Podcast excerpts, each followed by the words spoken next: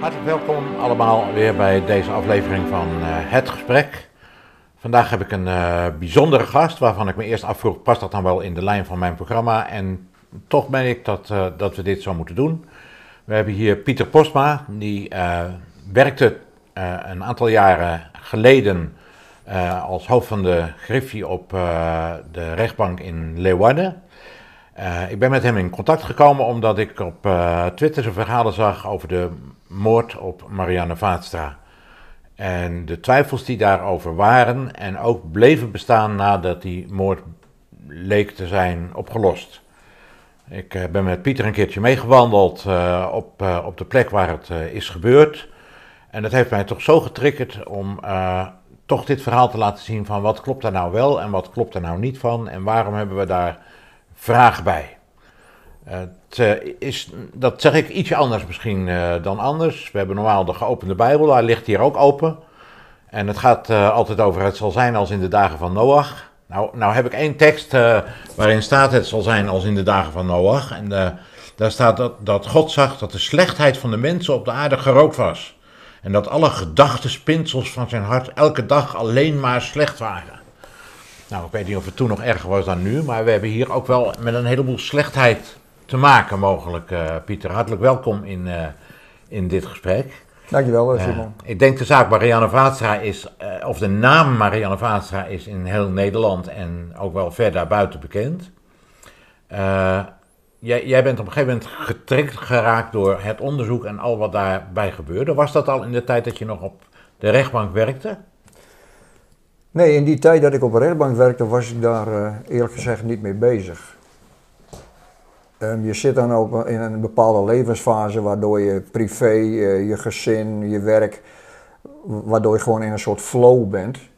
En eh, jaren later pas, eh, toen, ik, toen ik stopte met werken, toen kwam eigenlijk dat verhaal toch wel weer bovendrijven. Want het, ik, je, je hebt, je hebt gewoon heel veel mensen, dat merk je in gesprekken, dat, dat heel veel mensen eigenlijk wel een beetje altijd heeft vastgehouden van, van wat is er eigenlijk bezig, wat is er gebeurd. Ehm, want jij, jij noemt nu ook de zaak Marianne Vaatstra. En dat is het natuurlijk ook. Maar als je dus mij ook volgt eh, op, op, op Twitter, maar ook op een website. Ik probeer eigenlijk zo weinig mogelijk die naam eigenlijk ook te gebruiken. Waarom? Nou, ik, er is natuurlijk toch in die zin, dat heb ik ook met wandelingen, dat leg ik ook aan de mensen uit met wandelingen op een bepaald moment. ehm, ik wil niet op een bepaalde manier op, dat, ik op, dat het een soort sensatie wordt of zo. Ik vind wel dat je daar respectvol mee om moet gaan. En ik vind dan ook eh, dat, je, dat een bepaalde gêne is voor, voor dat, je, dat je die naam gebruikt. Dus eh, ik ben op een gegeven moment daarom ook begonnen, eh, met name op Twitter. In op Twitter noemde ik namelijk altijd eerst de, zaak hashtag Vaatstra. Maar op een gegeven moment ben ik op Twitter, ben ik dat na ongeveer een paar maanden ben ik dat gaan wijzigen. En heb ik, heb ik dat nu vanaf nu altijd, kun je mij op Twitter vinden met onderwe- dit onderwerp is dat hashtag Jasper. Dus ik, ik ben van, van de zaak Vaatstra overgestapt naar de zaak Jasper. Ook al omdat van waar ik mee bezig ben, daar mijn focus op ligt. eigenlijk daarover gaat. Ja. Ja. Want even eh, eh, voor de mensen die denken van ja, het is ook alweer heel lang geleden. Het was in 1999, Ja, op 30 april, ja. dat Marianne Vaatstra eh, vermoord werd gevonden in een weiland. ja ze is 1 mei gevonden. 1 mei gevonden. Ja. Eh, daarna is er een eh, vrij langdurig onderzoek eh, geweest wat allerlei richtingen uitging. Het was dagelijks nieuws in de kranten, stille tochten zijn er geweest, Ja. waar duizenden mensen op afgekomen zijn. Ja. Ja. Uiteindelijk heeft dat onderzoek niets, nou ja, in ieder geval, het leek niets opgeleverd te hebben. Nee, nee. Totdat er in, ik meen in 2012, eh, is, is er een groot DNA-onderzoek geweest waarbij hashtag Jasper Ja. aan het licht kwam. Ja. En eh, Jasper S. is gearresteerd en uiteindelijk ook veroordeeld op Ja. grond van DNA-bewijs. Ja. En nog steeds vastzit in Dat de klopt.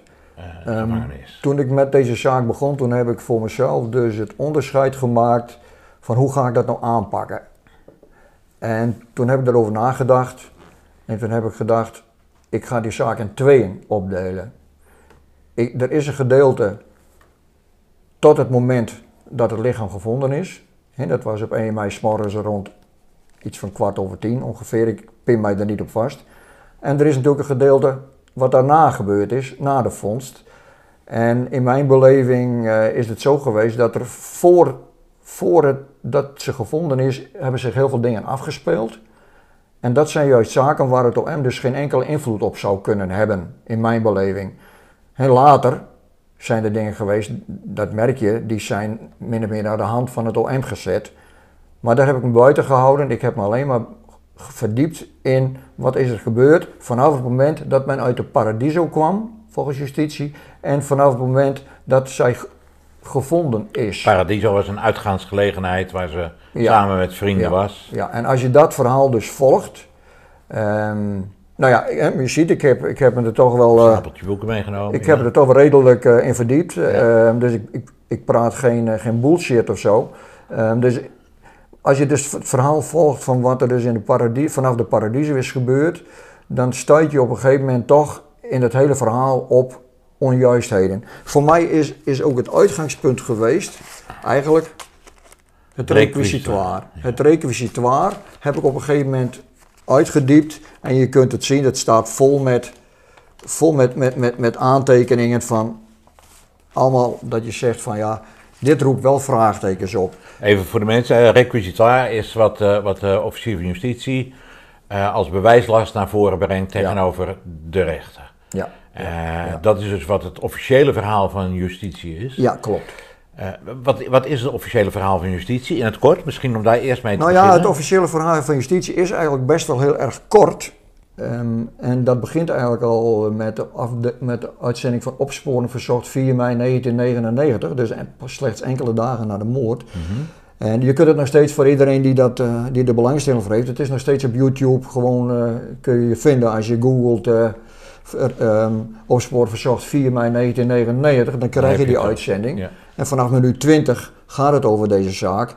En dan is er een good old Nelke van der Krocht die dan op een gegeven moment uh, daar zegt van uh, om half twee verlieten ze de Paradiso en om tien voor twee kwamen ze op de Zwadde aan. En dat is eigenlijk alles wat het Openbaar Ministerie over deze zaak heeft verteld. Sterker nog, ik zeg nu dat zij zei dat ze om tien voor twee op de zwaar aankwamen. Nee, zelfs dat zei ze niet. Ze zei alleen maar dat ze vertrokken om half twee. Uiteindelijk staat in het requisitoire dat ze om tien voor twee op de zwaar aankwamen. Maar wat er dus in die tussentijd gebeurd is, daarover hult het Openbaar Ministerie zich in compleet in stilzwijgen. Dat komt allemaal niet voor in dat requisitoire. Want in, in de verhalen komt wel naar voren van ze zou naar huis gebracht moeten worden door een taxi en dat is niet gebeurd. Nee. En ze is achterop een fiets Nee. gegaan. Nee. Nee, dat er is klopt. een fiets gestolen en zo, maar dat staat allemaal niet in het requisitoire. Dat, dat staat hier dus allemaal niet in. In het requisitoire staat op een gegeven moment wel dat ze hebben eh, dat, er, dat er 700 getuigen zijn gehoord. 700 getuigen zijn er gehoord. Alleen, je leest nergens dat iemand deze drie samen heeft gezien. Dus Geen van die 700 getuigen ge- heeft geen van die 700 blijkbaar getuigen verklaard.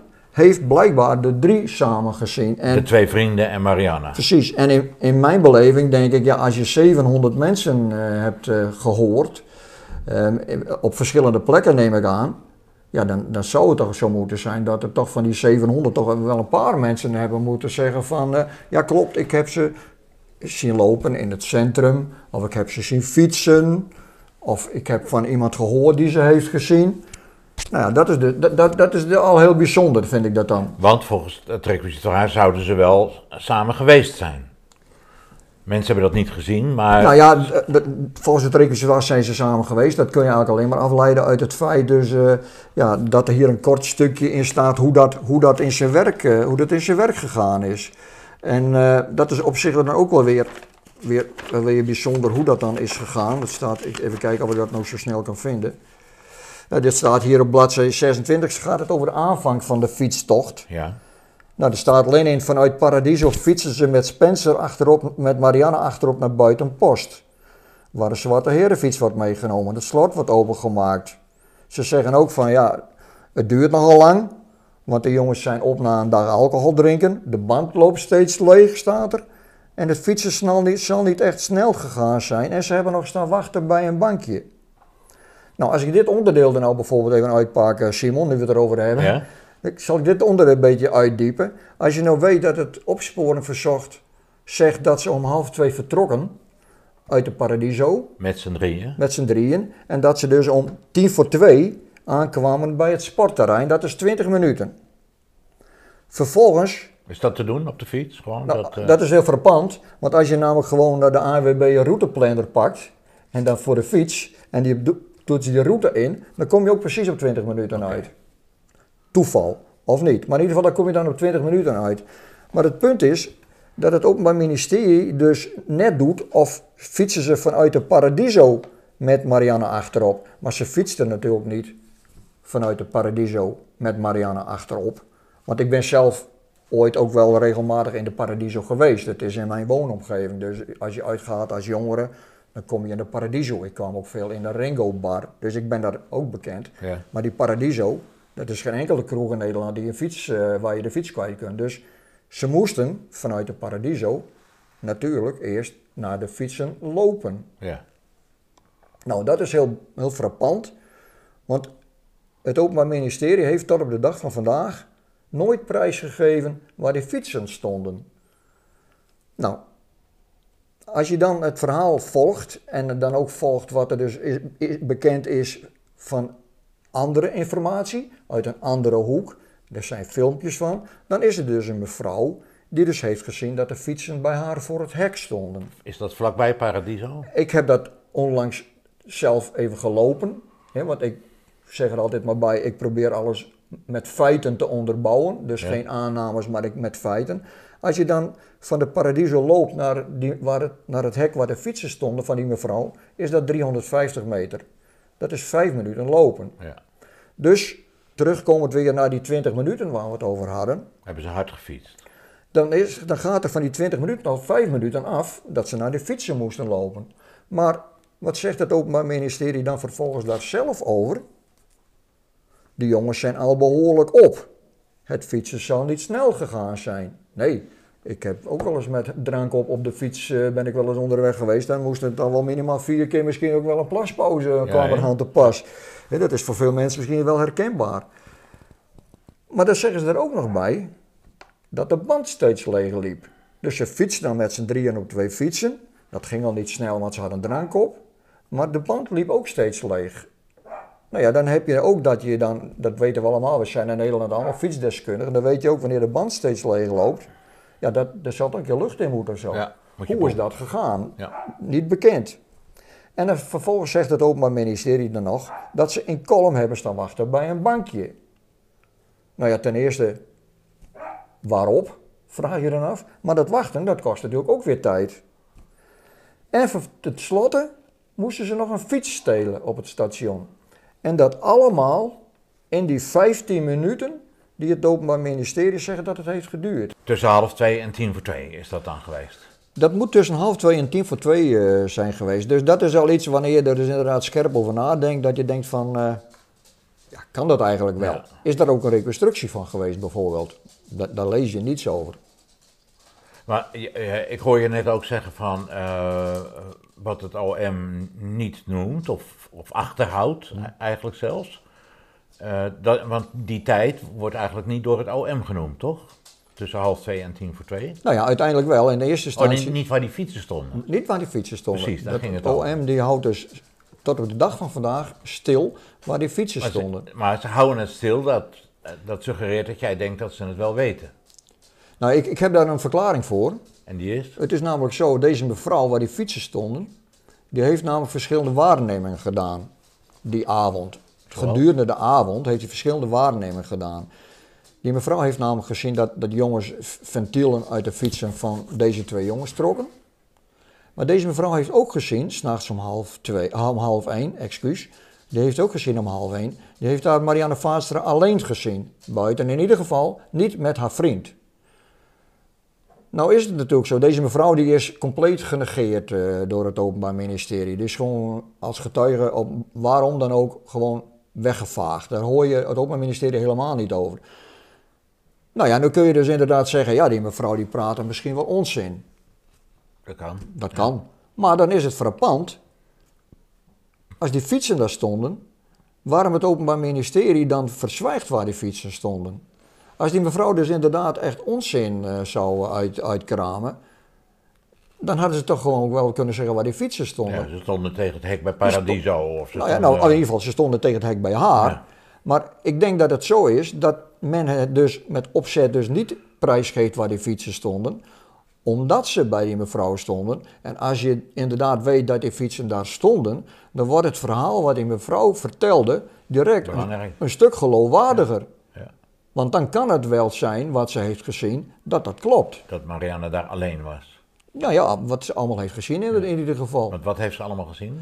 Nou ja, ze heeft dus inderdaad gezien wat ik net zei, hè, dat, dat die jongens dus die, die ventillen uit de fietsen haalden. Ze heeft gezien dat op een gegeven moment om half één Marianne Vaaster daar was zonder Spencer Sletering. En ze heeft onder andere gezien dat een uur later, om half twee, ehm, Spencer Sletering en zijn vriend zijn opgehaald in een auto. Dat heeft die mevrouw allemaal gezien. Die zijn dus helemaal niet op de fiets eh, vertrokken samen met Marianne achterop. Niet volgens de verklaring van die mevrouw. Nee. Niet. En het verpand is dan ook, dat tijdstip van half één, dat elders in het dorp om half één twee getuigen, ik noem ze kroongetuigen waren, die hebben gezien dat daar op dat moment Spencer Sletering zonder Marianne Vaatstra was. Dus de ene get- kroongetuige ziet om half één Marianne Vaatstra zonder Spencer Sletering. De andere kroongetuige ziet om half één Spencer Sletering zonder Marianne Vaatstra. Dat is ook een apart verhaal. Want die mensen, die twee mensen, die fietsten dus vanuit Buitenpost, vanuit Kolm ook eh, Buitenpost. Die woonden daar ook, die waren ook in de Paradiso geweest. En die zagen daar dus op enig moment, zagen ze daar dus Spencer Sletering, die, die was er iets met het prutsen aan een fiets. In een dorp, ik kom ook van een dorp, niet iedereen is je vriend, maar je kent elkaar wel. Je herkent elkaar. Dus wat gebeurde? Deze mensen die hebben Spencer Sletering gegroet. En hij groette terug.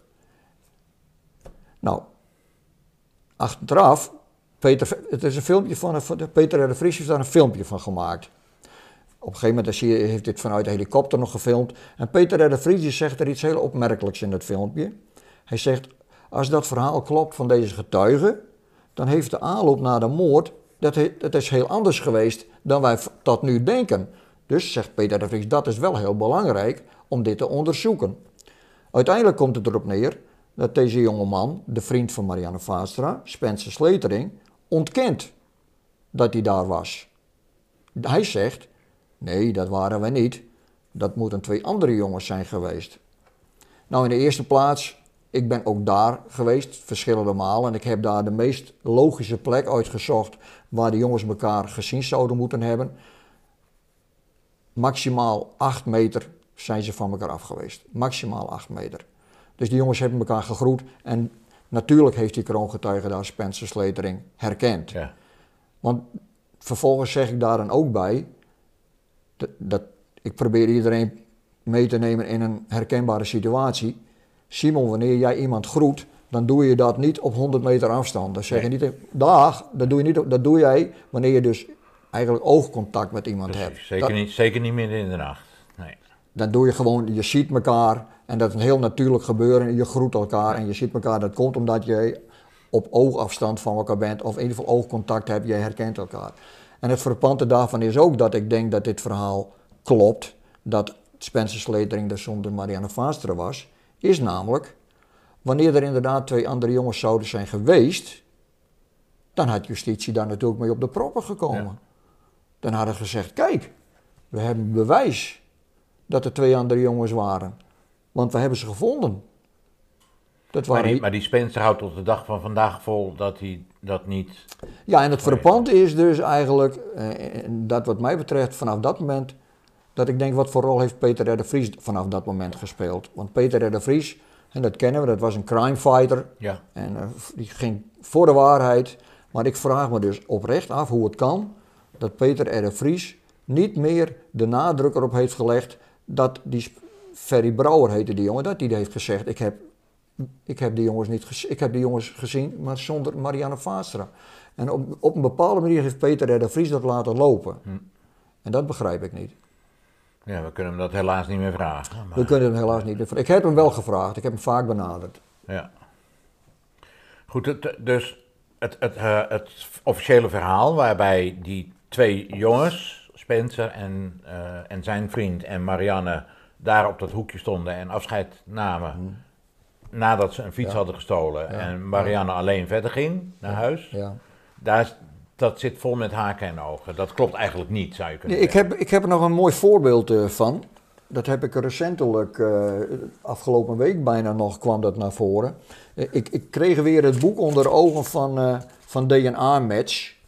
En dat had ik al, al- al een jaar geleden of zo, had ik dat al een keer gekocht en gelezen. Maar op Ja. een gegeven moment, wanneer je wat langer in de zaak verdiept, dan zijn bepaalde dingen, ja, die vallen weg of die worden op een andere manier duidelijker. En toen, ik werd deze week op, Twitter, was iemand die, die stelde mij een vraag en dan, toen dacht ik, ja hé, daar heb ik een boek van. En toen, toen kwam ik op Twitter een, eh, een bladzijde 227 van dit boek, DNA Match, kwam ik tegen het verhaal van een regisseur, Ron Rintjema, die had een reconstructie gedaan. Eh, Simon, jij hebt een keer meegelopen en ik zeg tegen iedereen die met me meeloopt, in bepaalde situaties, probeer het te visualiseren, noemen we het dan. Ja. Probeer wat ik je vertel, probeer dat nou voor, voor te stellen hoe dat gegaan is. Dit is zo'n voorbeeld van de regisseur Ron Rintjema die een reconstructie heeft gedaan. Ik, ik zeg dat ten overvloede, omdat het heel belangrijk is. En dan zegt deze re- regisseur, Marianne Vater die nam dus afscheid van de jongens. En die fietste bij de Zwarre vandaan alleen richting het tunneltje. En dan zegt deze regisseur, nog geen 10 seconden nadat ze afscheid had genomen van Spencer en Wietse, fietste blijkens de reconstructie haar moordenaar al achter haar aan. Dus je moet je voorstellen, zij was nog maar amper 10 seconden aan het fietsen. Dan denk ik, hoe ver ben je dan? Maar ze was nog amper 10 seconden aan het fietsen. Toen fietste Jasper al achter haar aan. Ja. Nou ja, Waarom is dat vreemd? dat is vreemd, omdat ik probeer dus, eh, hè, dat doe ik met die wandeling ook, ik probeer mensen te betrekken in, in snelheid en seconden. En je moet op een gegeven moment nagaan, als je 10 seconden fietst vanuit een startpositie, hoe ver ben je dan weg? Een klein stukje. Dan ben je een klein stukje weg. Ik, ik, ik heb bijvoorbeeld, ik hou steeds ook, dat weten de mensen ook van de wandeling, ik hou ongeveer steeds meter, 4 meter per seconde aan.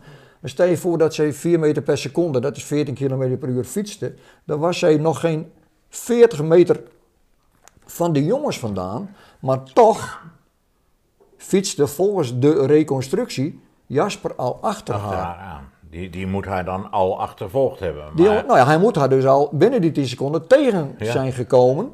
Oh, want hij was haar tegengekomen Nee. en is gekeerd. Nou ja, precies. Ze kwamen elkaar tegen. Ze kwamen uit tegenovergestelde richting. En daar is iedereen het over eens. Dat, dat staat ook in het requisitor. Nou ja, maar dat is iedereen het over eens. Hij kwam haar tegen. Ja. Hij is om, en, en er staat ook in het requisitor, hij kwam haar tegen.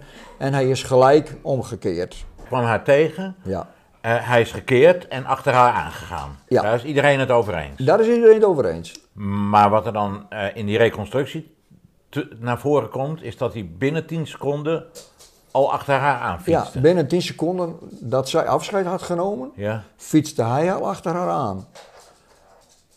Dus, Dan, dan hebben de jongens hem ook moeten zien. nou ja, dat is onomstotelijk eigenlijk. Hè? Ja, hè? Dat is onomstotelijk. Daar komt nog bij dat het Openbaar Ministerie, en dat staat ook in het requisitoire, eigenlijk eh, wil beweren, dat staat hier, Spencer en Wietse hebben niemand gezien, want ze kijken het donker in, staat hier.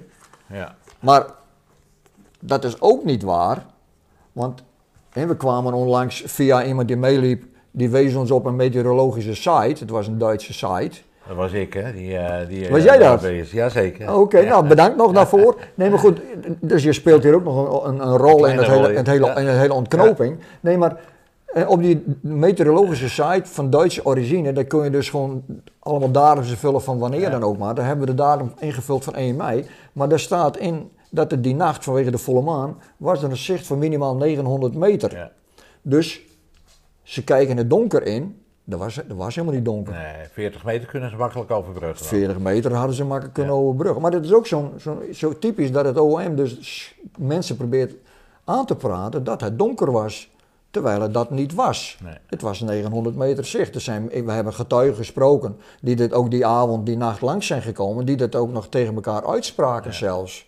Jeetje, wat is het licht. Buiten dat was het ook niet eh, een heel donker bosweggetje of zo. Het was een, een Nou ja, het is wel leuk dat je dat, je dat even aanhaalt, eh, eh, Simon. Want kijk, mensen die de situatie daar niet ter plekke kennen... en mensen die ze op een gegeven moment wel naar Discovery hebben gekeken bijvoorbeeld... En vorige week liepen er ook weer mensen mee. En het was voor jou waarschijnlijk ook een, toch wel een beetje een vreemde constatering. Ja, wanneer je daar ter plaatse bent, het is gewoon niet een afgelegen weggetje Nee. of zo, niet een fietspad. Het is gewoon naast de doorgaande weg, maar ook verderop, zodra jij ook afscheid hebt genomen van, van, bij die lantaarnpaal vandaan, dan staan er gewoon zeven vrijstaande woningen langs het fietspad over een lengte van 350 meter. Ja. Maar als je naar Discovery kijkt, dan wil die de mensen doen laten geloven dat zij een beetje fietsen op een soort afgelegen laantje. Dat is het ook niet. Nee, is zeker niet geweest. Nee, dat is het ook niet. Nee. Goed, zij, zij is dus, eh, hij is dus omgekeerd, die Ja. Jasper, hè? Ja. eh, hashtag Jasper, laten we het daar maar even op houden. ja, Die is omgekeerd, achter haar aangegaan. ja. Hoe lang duurde dat dat hij haar inhaalde dan? Want Nou hij, ja, zat, hij kijk- zat te kort achter natuurlijk. ja, kijk, dat is natuurlijk heel verpand allemaal, want nu loopt natuurlijk het hele verhaal in de soep. Hè? Want kijk, als je nu zegt hij zat vlak achter haar, nou, dat, wat wij hier nu lezen uit die reconstructie, dat, dat, dat moet zo zijn geweest. Ja. Maar als je dan weer verderop dus leest op het, eh, op het requisitoire, dan, dan wordt er dus gezegd dat hij op een gegeven moment Mariana over de rotonde ziet fietsen, terwijl hij nog door het tunneltje moet. Nou ja, dat hebben wij ook uitgemeten daar. En dat is een achterstand van 130 meter. Ja. Dat is natuurlijk heel bijzonder, want hij fietste, dat hebben we net zo'n beetje geconstateerd, eigenlijk vanaf 10 seconden fietste hij vlak achter haar. Het OM zegt ook nog, hij moest echt hard fietsen om erin te halen. Maar bij het tunneltje was hij 130 meter achter haar. Ja, toen, hij ging door dat tunneltje heen en Marianne ging bovenlangs. Ja, En hij ziet op 130 meter, Ja. overigens toch blijkbaar wel een heldere nacht. Hè? Want- dan wel weer. Dan wel weer. Want hè. hij kan makkelijk dan, zien die Dan is het 130 niet meer donker voor het OM, dat is een heldere nacht. En dan haalt hij haar via dat tunneltje in. Nou, nee, dan nog niet hoor. Nee, hij haalt er na het tunneltje ongeveer naar 350 meter in. Ja. Maar over dat tunneltje eh, is nog iets heel erg frappants. Niet zozeer over dat tunneltje. Marianne fietst dus, staat hier. Hij ziet haar weer het fietspad oprijden. Dat, zij, st- gaat, dus ze gaat over de rotonde met de fiets. En vanaf de rotonde slaat ze rechtsaf weer naar het fietspad. Ja. Ik was een tijd terug, dat is, was in de winter, heb ik inmiddels eh, weer uitgezocht. Ik was ongeveer afgelopen winter, was ik daar ook. En toen stond ik daar te mijmeren, noem ik dat dan maar. Ja. Want ik probeer natuurlijk ergens eh hiaten te vinden in het verhaal. Van wat klopt hier nou niet? Dus je moet ook alles eigenlijk ter discussie stellen. En ik stond op die plek waar zij overheen gefietst zou hebben, 1 mei 1999. En toen dacht ik, ik sta hier nu wel. Maar was deze dam er eigenlijk wel in 1999? Vroeg ik me plotseling Ja. af. Ik denk, hé, hey, dat wil ik wel weten. Toen heb ik de, de gemeente, de gemeente Maat-East-Friesland valt het onder, die heb ik benaderd. De afdeling, ik noem dat maar infrastructuur, zoiets. Die heb ik benaderd. Een beetje met een, met een, nou ja, een, beetje met een eh, omweggetje. Want ik heb namelijk gezegd van, dat ik met iemand een soort met van discussie had, een meningsverschil over die dam Ja. hoe lang of die er was. Want kijk, wanneer ik direct natuurlijk bij zo'n afdeling aankom en dat ik zeg, ja, ik ben bezig met het onderzoek naar een zaak, dan had ik waarschijnlijk nul op mijn request gekregen. Dus er was een, een, een hulpvaardige ambtenaar die eh, mij nadrukkelijk heeft gevraagd om zijn naam nooit te noemen. Nou, dat is ook verder niet van belang, dus dat heeft ook geen zin. Ik, ik, ga, ik wil geen mensen ook... eh, Niet doen, als hij dat gevraagd heeft. daar, heb ik helemaal geen, daar ben ik helemaal niet op uit. Ehm, en die schreef mij dus dat die dam er in 1999 helemaal niet was. Hij schrijft, nee meneer Posma, die dam die is aangelegd in 2011. Want dat was namelijk nodig voor strooiauto's, die konden niet door die tunnel. En daarom is die dam er neergelegd in 2011. Wat dus inhoudt, dat wat hier staat, dat zij dus daar langs fietste vanaf de rotonde, dat dat toen een sloot was. En direct weer op dat fietspad terecht kwam, dan moet ze door de sloot heen gegaan. Ja. Wat het niet, niet zo is. Het punt is dat Jasper dus dat nooit gezien kan hebben, Nee. want het bestond niet. Nou, toen was er on- onlangs iemand, twee weken geleden, die, die, die had Google Maps gezien. En dan denken mensen dat ze naar Google Maps kijken, dat ze dan plotseling ook regisseur zijn of dat ze iets uit kunnen zoeken. En die zag op Google Maps dat 120 meter verder dan de dam kun je inderdaad ook op het fietspad fietsen vanaf de weg. Nou ja, dat kun je nooit zien vanaf eh, de roto- voor, het tunneltje niet, want er zitten een paar bochten in het tunneltje en een bocht in, dus dat kun je nooit zien. En vervolgens, wanneer je dat wel had gezien, dan was Jasper dus 250 meter achter haar geweest. Ja, wordt steeds onlogischer. Dat wordt natuurlijk allemaal steeds onlogisch. Dus het is een heel onlogisch, onlogisch verhaal. Goed, uiteindelijk heeft hij haar dan toch ingehaald. Eh, na al deze onlogica gaan Ja, we toch weer, ja, pakken we het weer ja, op. ja, hij heeft haar ingehaald. Ja, ja, En toen? Nou ja, dat is ook weer heel bijzonder, want daar zijn ook weer. Hij heeft haar gestopt, hè? dat is logisch, dat snapt iedereen. Maar er zijn ook weer drie verschillende verhalen van hoe dat stoppend gegaan is. Dat, dat, dat is een beetje de rode draad door dit hele verhaal. Er zijn steeds weer verschillende verhalen of insteek, of, eh, ja, invalshoeken. Nooit consistent. Er is een verhaal dat zegt dat eh, hij eh, haar, haar- was, dat was met een vandaag waarschijnlijk, dat hij haar, eh, haar fiets vastpakte om haar te stoppen. En dan stel ik me voor, dan pak je dit pakje eruit vast Ja. en stop je. In de uitspraak, die heb ik hier, in de uitspraak die heb, ik, die, heb, die heb ik ook hier liggen. In de uitspraak staat dat hij haar stopte door de rug van haar jas vast te pakken. Maar in het requisitoire staat dat hij haar pakte door haar stopte door zijn rechterhand om haar hals te doen. Dus er zijn drie verschillende manieren worden hier aangegeven hoe het gegaan is. Dat kan natuurlijk niet, want het kan maar op één manier zijn gegaan. Maar het is al bijzonder dat er dan weer drie manieren worden genoemd. Ik wil er verder niet heel veel over uitweiden, maar er is één belangrijk punt wat daar nog in wordt gezegd. Is namelijk dat hij doet op, op enig moment doet hij namelijk zijn rechterhand voor haar mond. En zij bijt in zijn rechter ringvinger en er is bloed. En dat is ook nog wel interessant om dat even te lezen wat daar dan staat. Dan moet ik. ehm, hier staat dan namelijk. Zij bijt hem in de ringvinger en er komt bloed uit de wond. Nou ja, prima, dat, dat is zo best. Het, wat schrijft het Openbaar Ministerie dan? Een bloeddruppel van de verdachte komt waarschijnlijk op de rechtermouw van haar jas.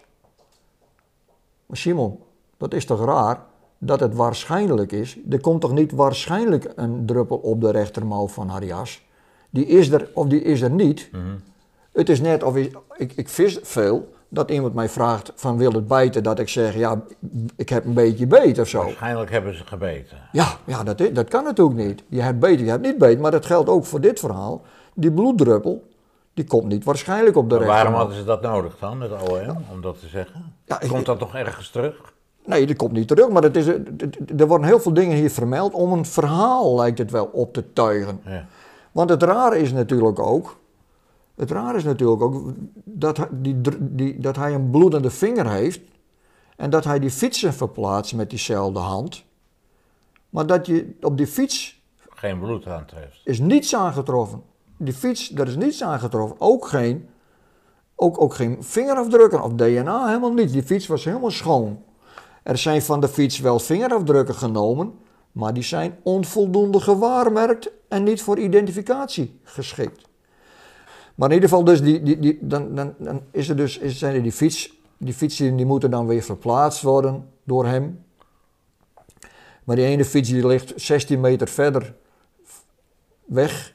Dus hij moest, en dat noem ik dan weer het visualiseren, hij moest dus met, eh, met, zijn linkerhand eh, om haar hoofd en met zijn rechterhand had hij een mes, moest hij tegelijk een fiets 16 meter verplaatsen. Nou ja, Lastig allemaal om te doen. ja, ja. Vrijwel onmogelijk. Ja, ja, onmogelijk al. En daarna heeft hij haar dan volgens het verhaal mee het weiland ingenomen. Ja, ja, ja, ja. Eh, ja. Door een hek heen en toch Nou, niet het hek. Nee, dat hek was er toen niet. Oh, dat was er niet. Dat hek was er toen niet. Er is nu een hek. Dat was er, dat was er hij toen is daar niet. achter een bossage terechtgekomen. Hoe, Ja. hoe ver was dat lopen? Nou ja, dat is eh, eentje van 100 meter lopen of zo. Toch nog wel een heel stukje, zeg maar. Ja, maar ja, dat was 100 meter lopen. En daar zou dan de daad hebben plaatsgevonden. Ja. Nou, ehm, wat, wat nog belangrijk is, ehm, omdat ook vanwege die wandelingen eh, zich mensen bij ons dan ook melden. Hè, vanwege die wandelingen melden zich ook mensen bij ons. En we hebben eh, gesprekken gehad met, eh, met, met belangrijke getuigen. En die ene getuige, dat was iemand die, die kende Marianne Valster persoonlijk. En die was met haar vriendin ook in de Paradiso geweest. Die nacht, dezelfde nacht. En die was die nacht ook langs de Koningswaai gefietst met haar vriendin. En die hadden dus ook gezegd, wat is het licht buiten? En die fietsten dus rond kwart over één langs de Koningswaai. Uh, die tijd, dat wisten ze vrij goed, omdat die, e-, die ene toen nog een meisje, die was door haar ouders gezegd, als je niet voor twee uur thuis bent, dan mag je morgen niet meer uit. Nou ja, dat is ook wel heel herkenbaar volgens mij bij veel gezinnen, dat dat op die manier zo ja. gesanctioneerd wordt. Dus zij hebben zich op een gegeven moment ook, uh, hebben ook contact gehad met de politie, een verklaring afgelegd dat ze er kwart over één uh, zo'n beetje langs fietsten. En uh, het was ook, voor, volgens hen ook, het was sowieso heel stil. Maar ze waren ook niemand tegengekomen. Ik had, daar, ik had dat van tevoren anders gedacht, maar ze zegt nee, ze we zijn niemand tegengekomen. Dus het was inderdaad rustig. En ze hebben ook geen fietsen zien liggen? Nee, ze hebben niets zien liggen. Ze hebben niets, ze hebben niets zien liggen. Um, maar goed, ik, ik zeg niet dat er een fiets gelegen kan hebben, dat weet je natuurlijk niet. Maar zij hebben ze niet zien liggen. Dus ze hadden die verklaring afgelegd en ongeveer twee jaar later of zo, toen stond de recherche weer bij, haar, bij de deur. Die werden binnengelaten, mijn moeder was ook thuis. En die zeiden toen tegen deze mevrouw, toen nog een meisje van 18, ja, je hebt toen bij ons die verklaring afgelegd uh, dat jullie er langs gefietst zijn om, uh, om kwart over één. Maar jullie verklaring klopt niet. Want jullie zijn daar een uur later langs gefietst. Oh, dan denk je, ja, dat is wel heel bijzonder. Nou ja, dat meisje was overtuigd dat de tijd wel klopte. En haar moeder kon dat bevestigen vanwege dat zij dus voor, voor tweeën thuis moest zijn. Dus ze zei, ja, 100% zeker. Wij zijn daar rond kwart over één langs gekomen. Dus niet om kwart over twee. Maar waarom moest dat dan veranderd worden? Nou ja, toen, wij waren bij deze mevrouw thuis en toen deze mevrouw dat mij vertelde, toen dacht ik, dit is heel bijzonder. Dit kan niet kloppen. Dit kan niet kloppen, want het afscheid was om tien voor twee, zegt het Openbaar Ministerie. Dus die, vijf minuten voor twee was ze weggefietst. Dus die moord die heeft iets na kwart over twee of zo, heeft die plaatsgevonden. Maar, Simon, dat is de kennis van nu. Het is heel raar, want nou, ik, ik snap ook dat mensen die dit horen en die hier naar luisteren, dat die denken van ja, waar gaat dit over? Probeer het, probeer het op te nemen en, en ik, het is ook moeilijk te begrijpen, ik snap het, want ik ben hier natuurlijk al heel lang mee bezig, maar het punt is, waarom wilde de justitie nou volgens mij dat ze zeiden dat ze er kwart over, over twee langs zijn gegaan? Waarom? Ja. Waarom? Omdat namelijk, en daar heb ik nog een aanwijzing voor, die moord namelijk gepleegd is rond die tijd dat zij er langs kwamen, kwart over één. En dan zou het natuurlijk heel erg op zijn gaan vallen wanneer je de kwart over één precies een beetje langs fietst, wanneer het zich afgespeeld moet hebben, dat je dan dus verklaart dat je, dus, dat het, dat je helemaal niets hebt gehoord. Want linksom of rechtsom, toen zich dat in het weiland afgespeeld moet hebben, dan kun je wel 100 meter vanaf, uh, vanaf het fietspad zijn. Daar krijg je wat van mee. Maar wacht even, uh, Pieter, want dan zou het toch voor het OM eigenlijk alleen maar handig zijn als ze er wel een kwart over één uh, langs gefietst zijn. Want dan klopt het dat ze niks gehoord hebben.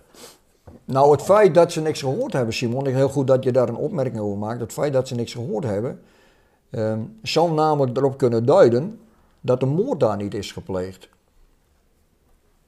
En dat het Openbaar Ministerie dus dat op die manier wilde verhullen. Ik heb er nog een aanwijzing voor. Ook via de wandeling kregen, kwamen we in contact met nog iemand anders. Die was met de auto vanaf Buitenpost richting Kolm over de rotonde gegaan. Die had daar eh, wat mensen zien lopen. En die mevrouw die heeft ook een verklaring afgelegd bij de recherche. Die moest vier keer terugkomen. Die is een paar keer gebeld. Want deze mevrouw die was er ook een kwart over een langs, langs gereden met de auto. En op enig moment liet een regisseur zich ontvallen dat hij tegen die mevrouw zei, toen ook een jonge vrouw, dan ben je er langs gekomen op het tijdstip van de moord, zei hij tegen haar. Dus een uur eerder dan het Openbaar Ministerie later aangeeft. Hier aangeeft. Het het zit kortom vol met allerlei onwaarschijnlijkheden, tegenstrijdigheden en Ja. zo te horen ook manipulaties door het Openbaar Ministerie, al dan niet gebruikmakend van politieagenten. Ja, we hebben heel veel, eh, er zijn gewoon heel veel mensen die hebben een verklaring afgelegd eh, die echt onder druk zijn gezet. Ik, ik, ik heb laatst een artikel gelezen over, eh, over valse processen verbaal ook. Hè? Maar ik heb daar ook op gereageerd. Er, er gaat heel vaak nog een fase aan vooraf. Dat is namelijk de fase dat men dus verklaringen, mensen die verklaringen afleggen, dat men die onder druk zet om een andere verklaring af te leggen. En als je dan vervolgens die verklaring uitwerkt, dan klopt die, dan is dat niet een valse verklaring. Want het is de verklaring die Wa- is afgelegd. Ja, Maar daarvoor is er een traject geweest van druk uitoefenen. van druk uitoefenen. En dat, dat krijg je niet in beeld. Nee, professor eh, Tom Dekker, die ik wel eens geïnterviewd heb eh, in verband met de zaak Bijbelzin, die heeft ook een aantal boeken geschreven over hoe eh, onterecht verkregen bewijs eh, gebruikt kan worden. Ja, Eh, met name ook in de zaak Lucia de, de B, ja de ook. Berg. hè. Ja, ja, ja. En hij zegt eigenlijk komt dat voort uit de, de wil bij politiemensen bijvoorbeeld om de maatschappij te beschermen tegen een moordenaar. Want ja, alles moet erop wijzen dat hij het gedaan heeft ja, om hem maar te kunnen vastzetten, zodat de maatschappij beschermd is. ja. En daardoor lopen ze in de valkuil om alleen maar, eh, zeg maar een kokervisie te Ja. hebben. Eén visie, hij moet het gedaan hebben, dus het moet op een andere tijd gebeurd zijn. Het moet zo en zo gebeurd zijn. Zou dat hier aan de hand geweest kunnen zijn? Nou ja, de, de, de- ik, ik denk dat er zeker een soort van, eh, van tunnelvisie was. Ik denk wel dat het ook nog wel heel erg, erg breder eh, was. Maar ik geloof wel dat op een gegeven moment de regisseurs van toen op een gegeven moment zelf zijn gaan geloven in hun eigen, in, in hun eigen scenario. Dat, dat, daar ben ik van Ja. overtuigd. Maar het is sterker nog, ehm, ik, ik heb ook contact met, eh, met Jan Vlug. Dat was de advocaat, De advocaat van, eh, Jasper. van En zelfs daar kom ik een tegenstrijdigheid tegen. Dat is ook wel heel bijzonder. Ehm, recentelijk, ik kreeg onlangs een, had ik een mailwisseling met hem.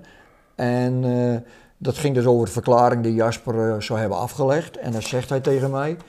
Ik heb geen enkele twijfel aan de in volledige vrijheid afgelegde bekennende verklaring van mijn cliënt. Op zich is dat natuurlijk ook al heel raar, want hoe kun je nou zeggen dat je cliënt in volledige vrijheid een verklaring heeft afgelegd? Volgens mij zat die man gewoon in beperking. Die heeft natuurlijk niet in vrijheid. Dat terzijde, denk ik dan maar. En dan zegt Jan Vlug, ik ben daar vanaf het begin bij geweest. En ik heb niets gezegd, gezien of gehoord, direct of indirect, dat zou kunnen duiden op een onjuiste bekentenis. Dat schrijft hij mij. Ja. Vervolgens ben ik dit boek aan het lezen. En daar staat daar, ik kan de, kan de, kan de bladzijde wel bijpakken voor mensen die, dat, die het misschien dan nog niet geloven dat ik het heb opgeschreven. Maar dan schrijft hij daar, in dat boek, ik vertel net dat hij zegt Ja, van, ik was ja. erbij. En dan zegt hij daar in dat boek, ik mocht de politieverhoren niet bijwonen. Maar ging toch elke dag naar Leeuwarden. Ik ging gewoon op de gang zitten en sprak Jasper dan voor en na het verhoor even. Ja, ja, volstrekt tegenstrijdig. Ja, maar dan denk je dan, wat, Die Jan Vlug is ook een toeg- toegewezen advocaat geweest, hè, natuurlijk. Die, Nou ja, ik, ik ben wel heel lang eh, daarmee naar op zoek geweest. Hè, want eh, ehm, Jasper die kreeg eerst een piketadvocaat toegewezen. Dat was de advocaat Bert de Boer uit Sneek. En toen Jan Vlug. Nou, ik kan me niet voorstellen dat Jasper Steringa ooit van Jan Vlug had gehoord. Dat hij zegt, wel, ik wil Jan Vlug als advocaat. Daar kan ik me niks meer voorstellen. Ik kan het ook weer niet uitsluiten, maar ik kan het me niet voorstellen. En ik heb onlangs nog een interview gehoord met de inmiddels helaas overleden vader van eh, Jasper, waarin die dus zegt: het OM heeft ervoor gezorgd dat Jan Vlugge de advocaat van Jasper werd. E- e- Even, want we zitten nu inmiddels bij Jasper. Ja, ja, ja. Die komt een beetje uit de lucht vallen in het verhaal wat we nu hier hebben. Maar er is natuurlijk, eh, dat hele verhaal gaan we niet, eh, niet uitdiepen, maar er is eh, op een gegeven moment, ik dacht in 2012, is er een massaal onderzoek geweest waar mensen is gevraagd om DNA af te staan. Ja, Daar hebben, begreep ik, zo'n 7000 mensen aan aan meegedaan, 6.000, Ja. 7000 mensen. ja, ja, ja. En eh, tot ieders eh, blijdschap en verrassing kwam daar een 100% match uit. Het was Jasper S. ja. Eh, ja, een 100% match bij DNA is, is toch een absoluut bewijs, Pieter. Nou ja, kijk, interessant dat je dit punt even aansnijdt, want het is natuurlijk reuze belangrijk. Want zodra je dus natuurlijk met deze zaak bezig bent en, en ik heb zo'n beetje alles links en rechts eh, heb ik uit kunnen sluiten van, van hoe is nou eigenlijk gegaan en, en kan hij wel de dader zijn, dan kom je natuurlijk automatisch eh, terecht bij het NRI. Van, dan denk je, hoe, hoe is dat dan eigenlijk met, met, met het DNA gegaan? Dan denk je, hoe, hoe, betrouwbaar is eigenlijk dan dat NRI? Mag ik daar, dan moet ik, ik als, je op, als je op een gegeven moment zoveel dingen tegenkomt die ik tegenkwam, Waar staat NMI voor? Nederlands Forensisch Instituut, die Ja. zit in Rijswijk, hè, die doet altijd DNA-onderzoeken bij, bij, bij zaken. Eh, en eh, toen dacht ik op een gegeven moment, ja, ik wil met het NRI eens even contact hebben. Want stel je nou voor, het scenario, het volgende scenario. Er is DNA van 1999, noem ik dat, hè. Stel je voor, je hebt een ideale dader. Het is een bizar scenario, hè. Stel je voor, je hebt een ideale dader en je gaat dat, DNA van de ideale dader, die ga je omwisselen voor het DNA van 1999. Ik heb dus contact met het NWI erover gehad, meerdere malen. Kunt u mij de garantie geven dat dat scenario niet mogelijk was? Bijvoorbeeld, hebt u bijvoorbeeld logfiles waarin je bijvoorbeeld een, een soort geschiedenis van een DNA kunt volgen. Later bleek dat ze geen logfiles hebben, maar wel een soort track and trace. Maar ik kreeg nooit van eh, het NWI kreeg ik namelijk nooit de garantie dat het niet kon. Ik stuit een tijdje terug op een artikel van een of andere juridische site, of ongeveer 2018, waaruit bleek dat het, het, NRW had zijn eh, interne werkprocedures enorm aange- aangepast, omdat het eigenlijk een beetje, een, laat ik het maar zeggen, een beetje een rommeltje was. Iedereen kon van alles nog wat overal bij. En het kwam aan het licht omdat er medewerkers van het NRW met hun eigen bloedmonsters rommelden, omdat ze waren gepakt met het rijden onder invloed.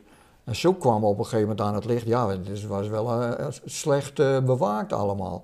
Dus ik heb van het NRW, ik heb er meerdere malen naar gevraagd, eh, Simon, ik heb van het NRW dus nooit een garantie gekregen wat het scenario wat ik schets, dat dat onmogelijk eh, was. Maar dat scenario zou dus inhouden, Pieter, als ik je goed begrijp, dat er ergens bij dat NWI, in opdracht van wie dan ook, opzettelijk een, ik weet niet hoe dat zit, een buisje of een busje of een flesje of een eh, doosje met het DNA wat is aangetroffen op het lichaam of nabij Marianne Vaatstra, opzettelijk is verwisseld met het DNA van Jasper S.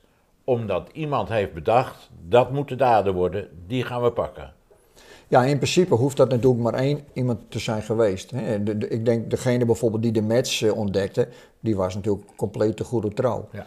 Kijk, het, het verhaal waarom Jasper is natuurlijk misschien toch ook wel belangrijk om dat even te vertellen. Waarom Jasper Steringa? Jasper Steringa werd in 2008 werd hij gepakt voor joyriding. Jasper Steringa was naar een vergadering geweest en eh, hij, hij was op zijn erf, maar hij wilde nog niet, hij wilde nog niet naar huis. Dus Jasper Steringa fietste de nacht in, zag op een erf een auto staan, de autosleutels zaten erin. En Jasper Steringa die ging in die auto zitten en die reed weg en die was er met zijn gedachten niet bij. Tot op een gegeven moment een politieauto achter hem met zwaailichten en hij ergens stopte en, en Jasper werd wakker. Als je dat, dat verhaal leest, dat, dat krantenartikel van hoe dat is gegaan, dat lijkt heel erg op hoe het wordt verteld wat hem is overkomen of wat hij heeft gedaan in dat scenario van het Openbaar Ministerie in deze zaak. Van ja, hij fietste de nacht in, ja, hij wilde nog niet naar huis, eh, wilde zijn hoofd leegmaken. Lijkt er heel erg op. En dan kun je op een gegeven moment, ja, het is, het is heel bizar. Dus ik, ik vind het ook heel lastig om dat hier nu zo te vertellen, dat mensen die, die, die, Ja, maar ik wil het wel horen nu, dus ga door. Precies, nou oké. Maar het is heel lastig. Maar het is heel bizar, maar het is ook geen bewijs wat ik vertel dat, dat het niet zou kunnen zijn. Dus dat is ook wel weer interessant. Ehm, eh, dat op een gegeven moment dus dan, dan, dan... In 2010 was één vandaag heel erg druk bezig met deze zaak. Die had meerdere uitzendingen hierover en die legden een heel erg druk op deze zaak eh, bij justitie. Die, die wilden gewoon op een gegeven moment, ja, we moeten er vanaf, dit moet opgelost worden. Dus het zou dus kunnen zijn, zeg ik, het zou kunnen zijn, dat op een gegeven moment dan gaat kijken binnen een straal van 5 kilometer. Is er misschien in, binnen die straal van 5 kilometer, hebben we daar misschien een dader? En ja hoor, daar zat Jasper Steriga, die zat in die kaartenbak met een heel bijzonder verhaal en een dissociatieve fugue. Want het verpand is ook nog, toen Jasper Steringa namelijk eh, bij de rechtszaak, Jasper Steringa zijn advocaat, die vroeg namelijk volledig ontoerekeningsvatbaar. Dat was de eis van Jasper zijn advocaat. Uiteindelijk werd de uitspraak verminderd toerekeningsvatbaar. Nu bij deze moord werd hij volledig toerekeningsvatbaar. Dat was op zich ook heel bijzonder. Maar weer even terug. Dus op een gegeven moment dan, dan was er een dader. Dat was Jasper Steringa. Werd dat, dat werd Jasper Steringa. Die is uitgekozen. Er is geen bewijs dat het niet zo is. Maar die, is, die, is, die, die zou uitgekozen kunnen zijn in dit scenario. Jij bent daartoe gekomen om dat te denken, omdat je zegt het officiële verhaal dat rammelt aan alle kanten. Ja. Het bewijs wat is geleverd is eigenlijk een ondeugdelijk bewijs. Daaraan Ja. kun je zien, Ja. er is gemorreld. Ja, Eh, hoe komen ze dan, want het probleem is dan dat er toch wel 100% DNA-match is Ja. met de Jasper Steringa. ja. Dus daar moet ook in gerommeld zijn. Eh, eh, anders kan Ja. jouw theorie Nee, niet meer nee, kloppen. klopt. Dus da- Ja, daar ja, moet ook in gerommeld zijn. En dat zou betekenen dat iemand heeft gezegd, hij is een geschikte kandidaat om als dader te worden aangewezen. Verwissel dat DNA, maak daar een match en pak hem, pak hem beet. Nou ja, en kijk, wanneer. Kijk, eh, en, en wat belangrijk daarin is, dat ik net heb verteld van die dam die er in 2011 niet was. Dus daaruit zou je ook af kunnen leiden dat het hele scenario, dit hele scenario, Niet klopt. nee, daarna is bedacht. Ja, ja, oké, precies. Ja. Dat, dit scenario is bedacht na 2011. Ja. En wat komt er na 2011? 2012. Ja, April Ja. 2012 werd toestemming gegeven voor een groot DNA-verwantschaponderzoek. Dat, dat, chronologisch klopt, klopt dat. Dan heb ik nog wel één probleem. Hij heeft het ook gewoon bekend, toch, Jasper? Ja, Jasper heeft bekend. ehm, nou ja, dat, dat zeggen natuurlijk mensen ook altijd die, die, die meewandelen. Die zeggen dan ook altijd ja, dat is een bekentenis. Kijk, dat is wel moeilijk uit te leggen, maar doordat nu veel aandacht is besteed aan de villa-moord, wordt dat een stuk gemakkelijker om het uit te leggen. Jasper zat vanaf 18 november tot 4 december in beperking. In beperking, dat wil zeggen, je hebt alleen maar contact met je advocaat. Ik vind het sowieso in deze zaak heel, heel bijzonder dat hij 16 dagen in beperking zat. Want bedoel, hij was gewoon alleen maar de dader. Waarom was die beperking zo lang nodig? Nou, dan kun je het volgende kun je erover bedenken. Ook kijkende naar de filmmoord. Hè. Ik, heb, ik heb ook, dat hebben heel veel mensen hebben dat op tv gevolgd. Ik heb ook onderdelen gezien, ook op eh, YouTube, van hoe die mensen dus ondervraagd zijn. Hè. Stel je nou voor, ik zeg weer stel je voor, ik heb geen harde bewijzen. Stel je voor dat die Jasper in die 16 dagen 18 uur per dag door een team van wisselende teams is ondervraagd, laten we dat zo maar noemen. 18 uur per dag, 16 dagen lang, iets van eh, 280 uur, weet ik hoeveel. Stel je voor dat je dat overkomt. Jasper is gewoon een mannetje, eh, een boer uit het platteland. Ja, wie is dat tegen bestand? Wie is dat tegen bestand? Dus ik denk, in, in mijn beleving denk ik dus... Hij is murg gemaakt Ja. om te gaan bekennen. Ja, dat denk ik, ja. Dat denk ik. Ik denk dat hij murf gemaakt is. Maar ik heb daar natuurlijk geen bewijs voor. Laat ik dat zeggen tegen alle kritische mensen die hier naar kijken. Ik heb daar natuurlijk geen bewijs voor. Maar op een gegeven moment is het wel een beetje een opeenstapeling van dingen die je uit gaat zoeken. Dat je tot dit soort scenario's komt. Ja, want er, zijn natuurlijk twee, twee behoorlijke lastige, ja, laten we het maar even conclusies of aantijgingen noemen. Het DNA is vervalst en Jasper is eh murg gemaakt om te gaan bekennen. Die twee dingen hebben uiteindelijk tot zijn veroordeling Ja, geleid. nou ja, je zegt het net iets stelliger dan ik het te zeggen, wat mij betreft. Dus ik corrigeer het even. Ik zeg niet dat DNA is vervolgd, maar dat zou kunnen zijn. Hè? Ik, ik, ik, ik, heb, ik, ik, ik heb dat scenario, dat, het, dat zou het scenario kunnen zijn. Ja, maar als, als dat het scenario niet is, als het dus echt is, dan blijven we zitten met een heel rammelend verhaal, wat van geen kant Nou, er is nog een heel kleine optie van 10%. Laat ik het zo zeggen, dat er nog een hele kleine optie zou kunnen zijn dat hij misschien op een of andere manier toch betrokken zou kunnen zijn. Ook al omdat hij op een gegeven moment ooit, voor wat het waard is, tegen de medegevangenen gezegd zou hebben van ik wil er niet alleen voor opdraaien. Dus kijk, wat ik onderzoek, en probeer ik natuurlijk zo zuiver mogelijk te doen, maar ook op basis van, van wat ik weet. Ja. Maar ik, ik, dus ik weet, niet 100, ik weet het niet 100%. Nee. Maar ik probeer wel logisch te denken van wat ik weet en daar conclusies aan te verbinden. Precies, ja. Nou, dat hoor ik ook, een stukje logica. Ja. Wat tot onvermijdelijke conclusies aan de ene of de andere Ja, kant ja, eh, nee, moet leiden. Ja, ja, ja. ja. Eh, we zijn al een heel tijdje in gesprek, we moeten het hier ook laten. We Ja. hebben denk ik mensen wakker gemaakt. Eén ding, wat me nog wel, de vraag die me eh, op de tong brandt, om dat zo maar te zeggen, is waarom? Waarom zou dat gebeurd zijn? Wat, wat was er te verbergen?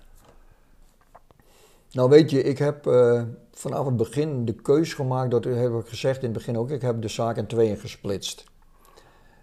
En er speelt heel veel.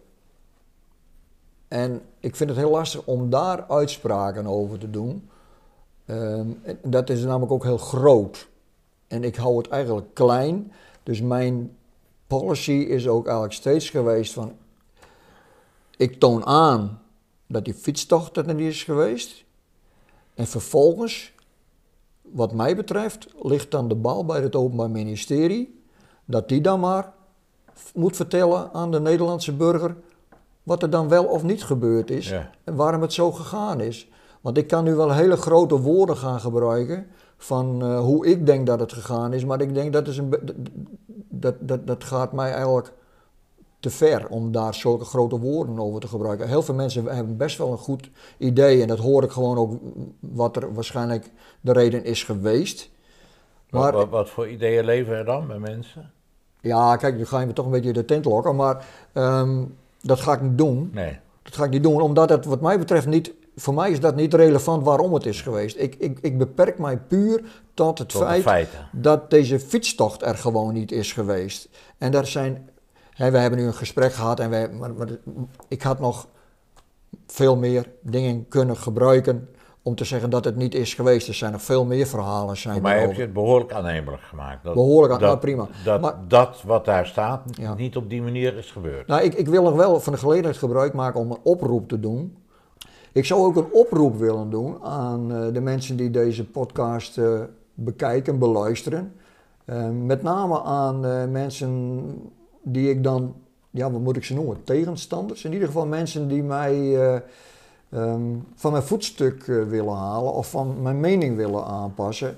En ik, ik heb ook steeds nog steeds, deze mensen nodig ik dan ook uit voor, eh, voor de dialoog.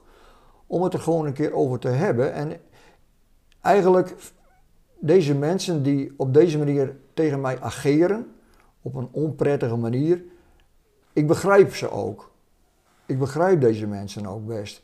Maar het is namelijk, wanneer zo lang, zo lang door het Openbaar Ministerie iets is voorgehouden, Ehm, ook waarschijnlijk in samenwerking met Peter R. de Vries, dan geloof je dat. En dan is het lastig wanneer er iemand komt, zoals ik, die gewoon, wat mij betreft, met argumenten aantoont dat het verhaal toch anders is en anders is geweest.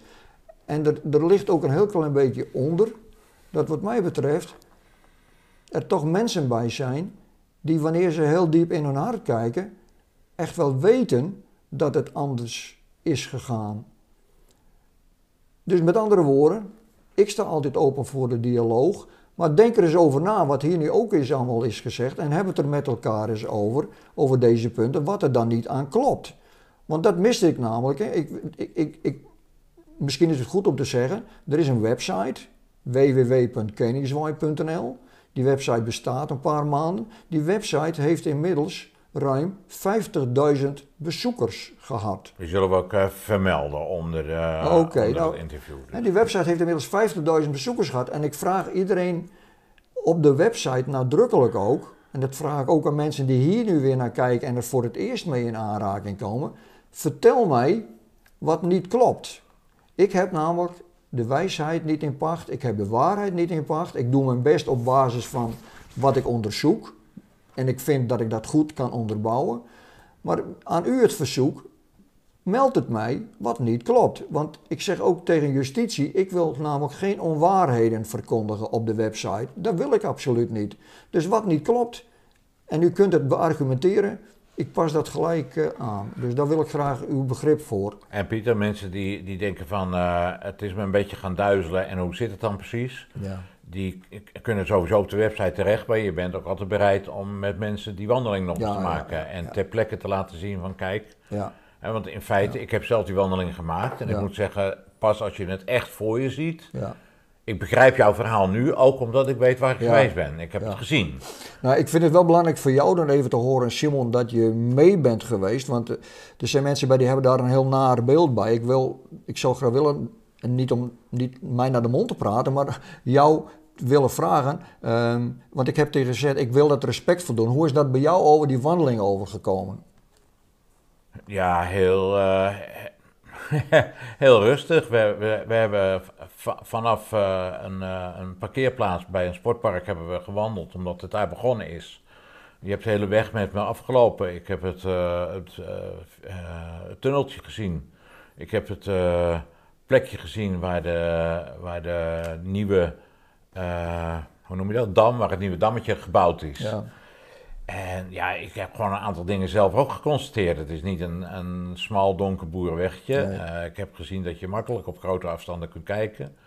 Ik heb gewoon gezien, gezien dat wat het verhaal wat, wat je hier eh, vanaf het Openbaar Ministerie eh, leest, dat dat niet een consequent en duidelijk en logisch verhaal is. Dat kan het eigenlijk niet zijn. Dus er moet iets anders aan de hand Ja. zijn. Nou, ja, voor mij is het dus belangrijk om nogmaals te zeggen wat ik in het begin zei. Het is absoluut niet zo dat die wandeling een soort sensatiewandeling Nee, is. zeker helemaal niet. Nee, nee. die wandeling is niet een sensatiewandeling. We gaan nu ook, hè, we, en we hebben een tijdje gehad, toen liepen we dat weiland in. Nou, daar is wat commotie over geweest. Ja, dat doe je niet meer. Dat hebben wij ook niet gedaan. Dat hebben we Nee. jou ook, dat doen we niet meer, omdat gewoon dat voor mij ook niet, Ja. Daar gaat het ook niet om. Kijk, het legt, je legt het iets anders uit, maar het gaat er natuurlijk niet om dat wij op die plek zijn. Want ik wil namelijk ook, nogmaals, ik, met de grootste piëteit wil ik namelijk, ben ik, daar, ook- ben ik daar gewoon ook. Ik ben daar met respect. Maar het is goed dat mensen, wat jij ook zegt, dat mensen gewoon daar ter plekke zijn en het dan kunnen zien hoe dat in de realiteit geweest Ja. is. En dat geeft een compleet ander beeld dan wanneer je naar Discovery kijkt. Zeker. Goed, Pieter, dankjewel. Dankjewel voor je vele onderzoek. Ik hoop dat eh, de, de echte waarheid nog een keer helemaal boven eh, tafel komt. Dat zou goed zijn voor jou met je onderzoek, maar eigenlijk nog meer voor de familie en ook voor de, de, het, recht in zijn algemeenheid. Hè? Als we aan het begin toch zeggen van ja, er gebeurt eigenlijk alleen maar onrecht op aarde en dat is waar we niet tegen kunnen. Ik zou graag willen dat eh, dingen rechtgezet kunnen worden, oftewel dat eh, het terecht wordt wat er gedaan is. En als Jasper S. ten onrechte zit, zou ik ook willen dat hem recht gedaan wordt, ook voor zijn familie en voor zijn kinderen. Afsluitend nog, nu je erover begint. Ehm, ik merk gewoon dat ik een groter gevoel voor rechtvaardigheid heb dan de gemiddelde Nederlander, Ja. ik steeds. En ik doe dit ook niet omdat ik hier iets mee wil behalen. Ik doe dat eigenlijk alleen maar omdat ik gewoon rechtvaardigheid wil. Ja. En ik zie hier in dit hele verhaal te veel afwijkingen, wat je zelf ook zegt. Ja, te veel onrecht. Dankjewel. En u bedankt voor het eh, kijken deze keer. En eh, stelt u het op prijs wat we eh, hebben gedaan, dan zou ik zeggen, doe u even liken hieronder en abonneer u op mijn kanaal. Zijn er nog meer vragen, dan kunt u onder de YouTube-video of op mijn website daarmee terecht. Maar u kunt ook naar de website gaan die ook vermeld wordt van kenningswide.nl. Eh, en daar kunt u ook eh, met uw vragen of opmerkingen terecht. Dank voor het kijken en tot de volgende keer.